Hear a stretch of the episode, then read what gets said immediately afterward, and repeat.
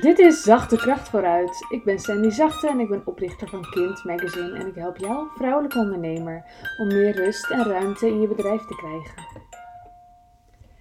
Jeetje, mineetje, de eerste week is de podcast al duizend keer beluisterd. Meer dan duizend keer zelfs. Ongelooflijk. Ik, nou, ik weet niet, ja. Cool. Dus uh, hoor jij daarbij en heb jij het ook gedeeld, dan heb jij er ook voor gezorgd dat uh, die aantallen er zijn. Dankjewel. Fantastisch. Echt heel tof. En een beetje spannend, want het is ook wel weer leuk om gewoon in het luchtledige te praten en dat niemand het weet, toch? Dat sluit trouwens ook wel een beetje aan bij wat ik, uh, waar ik het vandaag over wil hebben. Het duurde namelijk even voordat ik het mezelf realiseerde, maar Weet je, we zitten niet meer op de middelbare school. Verdomd. Mijn hoofd wist het natuurlijk wel, dat ik niet op de middelbare zit, maar mijn systeem had het nog helemaal niet meegekregen. Ik denk dat ik het gewoon echt een keer hardop moest zeggen voordat ik het echt kon voelen. Ik zit natuurlijk helemaal niet meer op de middelbare school. Alles wat toen gold, alles wat ik toen geleerd heb in die paar jaar, want ik zat er vijf jaar of zo, dat is natuurlijk maar een heel klein deeltje van mijn hele leven, dat telt helemaal niet meer. Ik had vorig jaar een reunie naar de middelbare school en toen realiseerde ik me pas hoe ontzettend kort die tijd is geweest. Vijf jaar en zo verschrikkelijk ongelooflijk vormend. Die vijf jaar die zijn zo belangrijk in wie je wordt en wat je van het leven oppikt. En ja, ik vond het ook uh, helemaal niet per se een leuke tijd of zo. Ik heb er hele leuke, grappige momenten gehad, maar ik voelde me niet veilig. Ik voelde me niet op mijn gemak. Ik voelde me denk ik nooit op mijn gemak. En ik denk dat ik daarom ook zo raar doe. Weet je? Ik ben het uh, gewend geraakt. Het is mijn manier van omgaan met de dingen, denk ik.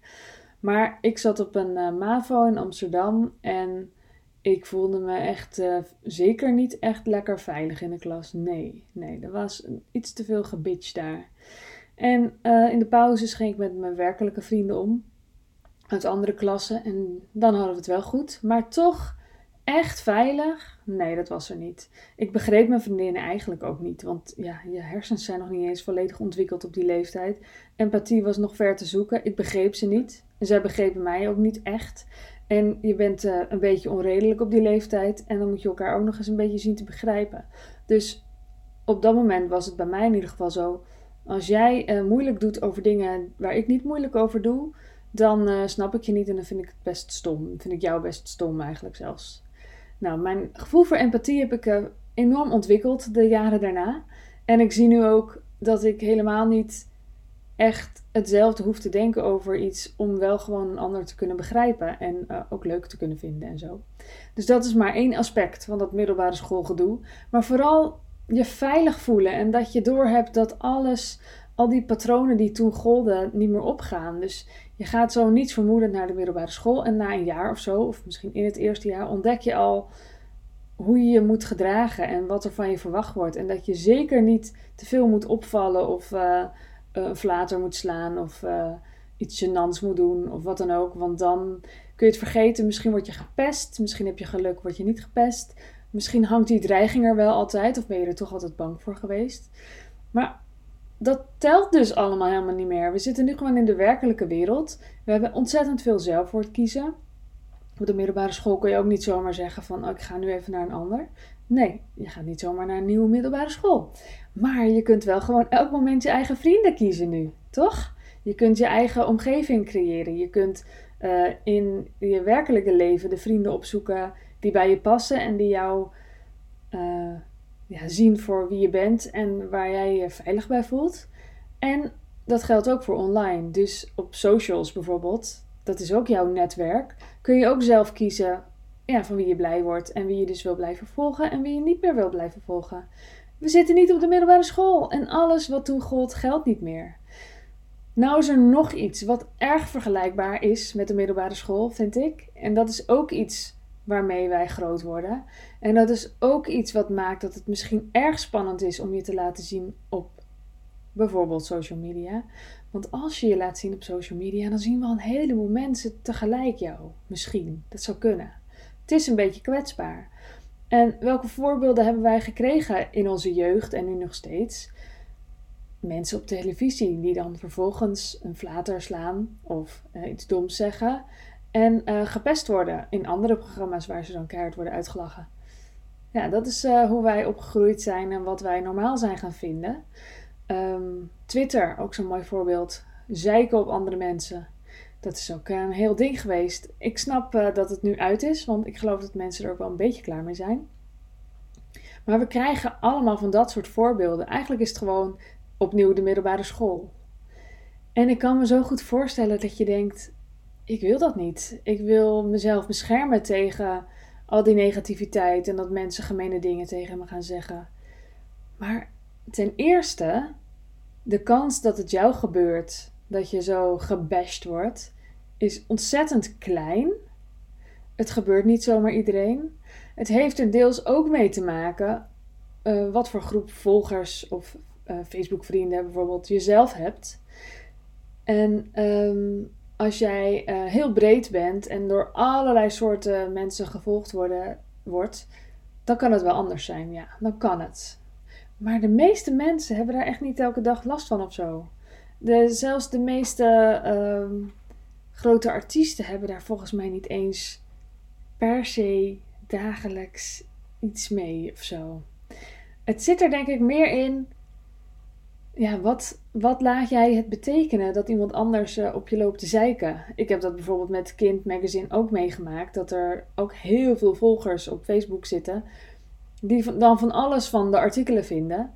En de eerste jaren ging ik dan dus serieus ja, in de stress schieten. En dan dacht ik, we moeten dit rectificeren. We moeten dit nuanceren. We moeten dit anders zeggen. Want er zijn mensen die er boos van worden.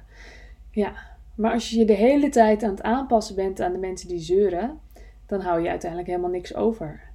En als je je blijft focussen op de mensen die je wil helpen, hé, hey, dan wordt het ineens een stuk makkelijker. Ik uh, had vandaag gevraagd op Instagram ja, of je je tegen laat houden door wat andere mensen misschien zullen denken. En iemand reageerde met: Ik ben dan ook bijvoorbeeld bang dat ik niet deug. Ik ben bang dat anderen er beter in zijn. En dat kan ik me ook zo goed voorstellen: dat je bang bent dat een ander ergens beter in is dan jij. Want ja, het zou best wel kunnen, toch? Ja, misschien is iemand anders wel beter erin dan jij. Hmm, interessant. Maar wat betekent dat? Als iemand anders ergens beter in is dan jij, is het dan gewoon. Uh, is het dan een wet die voorschrijft dat jij dan dus niet mag? Is het dan verboden om het alsnog ook te doen? En wie zegt dat jij er niet misschien heel erg goed ook in kan worden? Bovendien, uh, misschien is er inderdaad dus iemand beter in, in wat jij wil doen. Maar diegene heeft niet per se dezelfde volgers als jij. Misschien heb jij wel volgers die um, ook bang zijn dat ze niet de beste zijn ergens in. Misschien herkennen ze zich wel heel erg in jou. En wat zou er gebeuren als je dit zou zeggen? Dat je zou zeggen: Ik wil hier graag over delen, maar ja, ik ben een beetje bang dat ik er niet de beste in ben. En misschien ben ik dat ook niet. Wat zou er gebeuren als andere mensen dat dan zouden zien? Misschien voelen mensen zich wel helemaal ja, gezien. Eh, of in ieder geval dat ze zich in jou herkennen. En misschien past dat wel heel goed. En ik denk, zolang we maar gefocust zijn op hoe we dat in onze tienertijd gezien hebben op school. En in onze kindertijd trouwens, want ik ben zelf op de basisschool ook gewoon gepest. Dus het begon al eerder dat ik me wel een beetje uh, koest hield en probeerde me aan te passen. En als je dan daarna ook nog eens allerlei grootheden gaat volgen, die dus weer dan bijvoorbeeld in uh, roddelbladen of roddeltelevisie of wat dan ook afgezeken worden, dat zijn allemaal indrukken die eigenlijk voeden. Ja, je bent eigenlijk nog wel op de middelbare school en het doet ertoe. Het doet ertoe wat andere mensen van je vinden.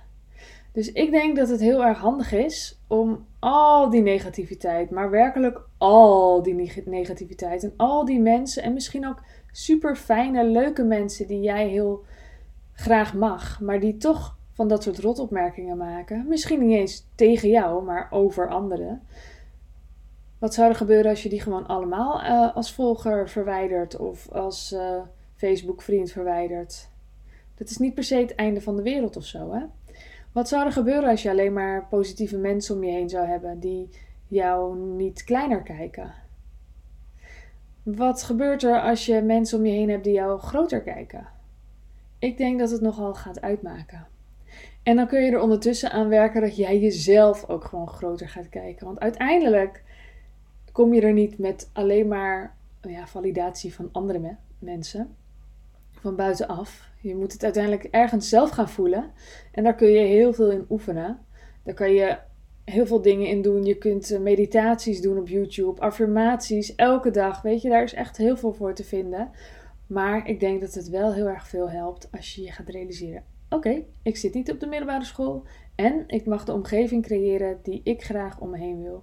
En ja, als dat familie is, als het familie is waar je genoeg van hebt, dan mag je daar nog steeds een beslissing over nemen. Er is ook geen wet die zegt dat je je familie om je heen moet hebben of zo. Ik denk dat het belangrijk is dat jij je gezien voelt en dat je groot mag zijn van andere mensen om je heen. Nou ja, zoiets. Dus ja, dus de overlevingsmechanismes die komen denk ik uit je jeugd en uit je middelbare schooltijd. En ik wil gewoon hardop roepen, we zijn volwassen. Wat toen gold, dat geldt gewoon niet meer. Je hoeft niet bang te zijn om gepest te worden. En zeker als jij een fijne groep mensen om je heen hebt. Nou, stel je voor dat er een keer iemand is die gemeen doet. Dan voel je je gedragen en dan weet je dat je terecht kunt bij de fijne mensen. En dan weet je wat ertoe doet. Maar het is wel van belang dat je die fijne mensen om je heen verzamelt. En dat kun je gewoon actief doen. En er zijn een paar manieren voor. Bijvoorbeeld op Instagram, waar ik zelf graag zit. Ehm, een manier is om allemaal positieve accounts te gaan volgen. En een andere manier is om dat, nou even goed, dan kan je dat gaan doen. Maar een andere manier is ook om zelf fijne, positieve dingen te gaan zenden, waardoor andere mensen jou ook herkennen. En hoe meer dat op jouw manier is, hoe meer mensen jou kunnen herkennen. Dat heb ik ook eerder gezegd. Dus ik zou willen zeggen, je mag raar zijn. Sterker, wees raar. Wees herkenbaar voor andere rarers, alsjeblieft. En uh, over raar gesproken, je hoort mijn intro natuurlijk elke dag, toch? Ik luister elke dag, toch? In ieder geval, elke dag is mijn intro te horen. Ik heb binnenkort deze week ergens uh, ook een winactie op Instagram. En uh, je weet het antwoord alleen maar omdat jij dit geluisterd hebt, omdat jij naar mijn podcast luistert. Dus nou, je maakt kans op iets leuks en ehm, je kunt die winactie ergens deze week tegenkomen als je kijkt op Sandy Zachte. Nou, blijf een beetje raar. Eh, ik hoop dat je er wat aan hebt. Mocht je er wat aan hebben, dan vind ik het heel fijn als je een screenshot wil maken en het wil delen op socials. En als je me tagt, dan zie ik het ook. Dankjewel voor het luisteren. Bedankt dat je de tijd uh, met mij wilde doorbrengen. En ik wens jou een fijne ja, ochtend, middag, avond, nacht. Uh, noem maar op van alles. Oké, doei doei. Wil jij bouwen aan 10 keer meer eigenaarschap over je leven? Wil je dat door middel van zelfvoorzienend leven in het kleinste zin van het woord, ondernemerschap en persoonlijk leiderschap? Kom dan bij Community Leven in Vrijheid, waarin een hele groep wilde mensen is die hier ook mee bezig zijn, die dit ook willen en die heel graag met je willen uitwisselen over moestuinieren, over grootse plannen, over hun eigen bedrijf opbouwen, over allerlei aspecten die allemaal samen zorgen voor een, een leven buiten de logge systemen. Ga naar wildemens.nl als je erbij wilt.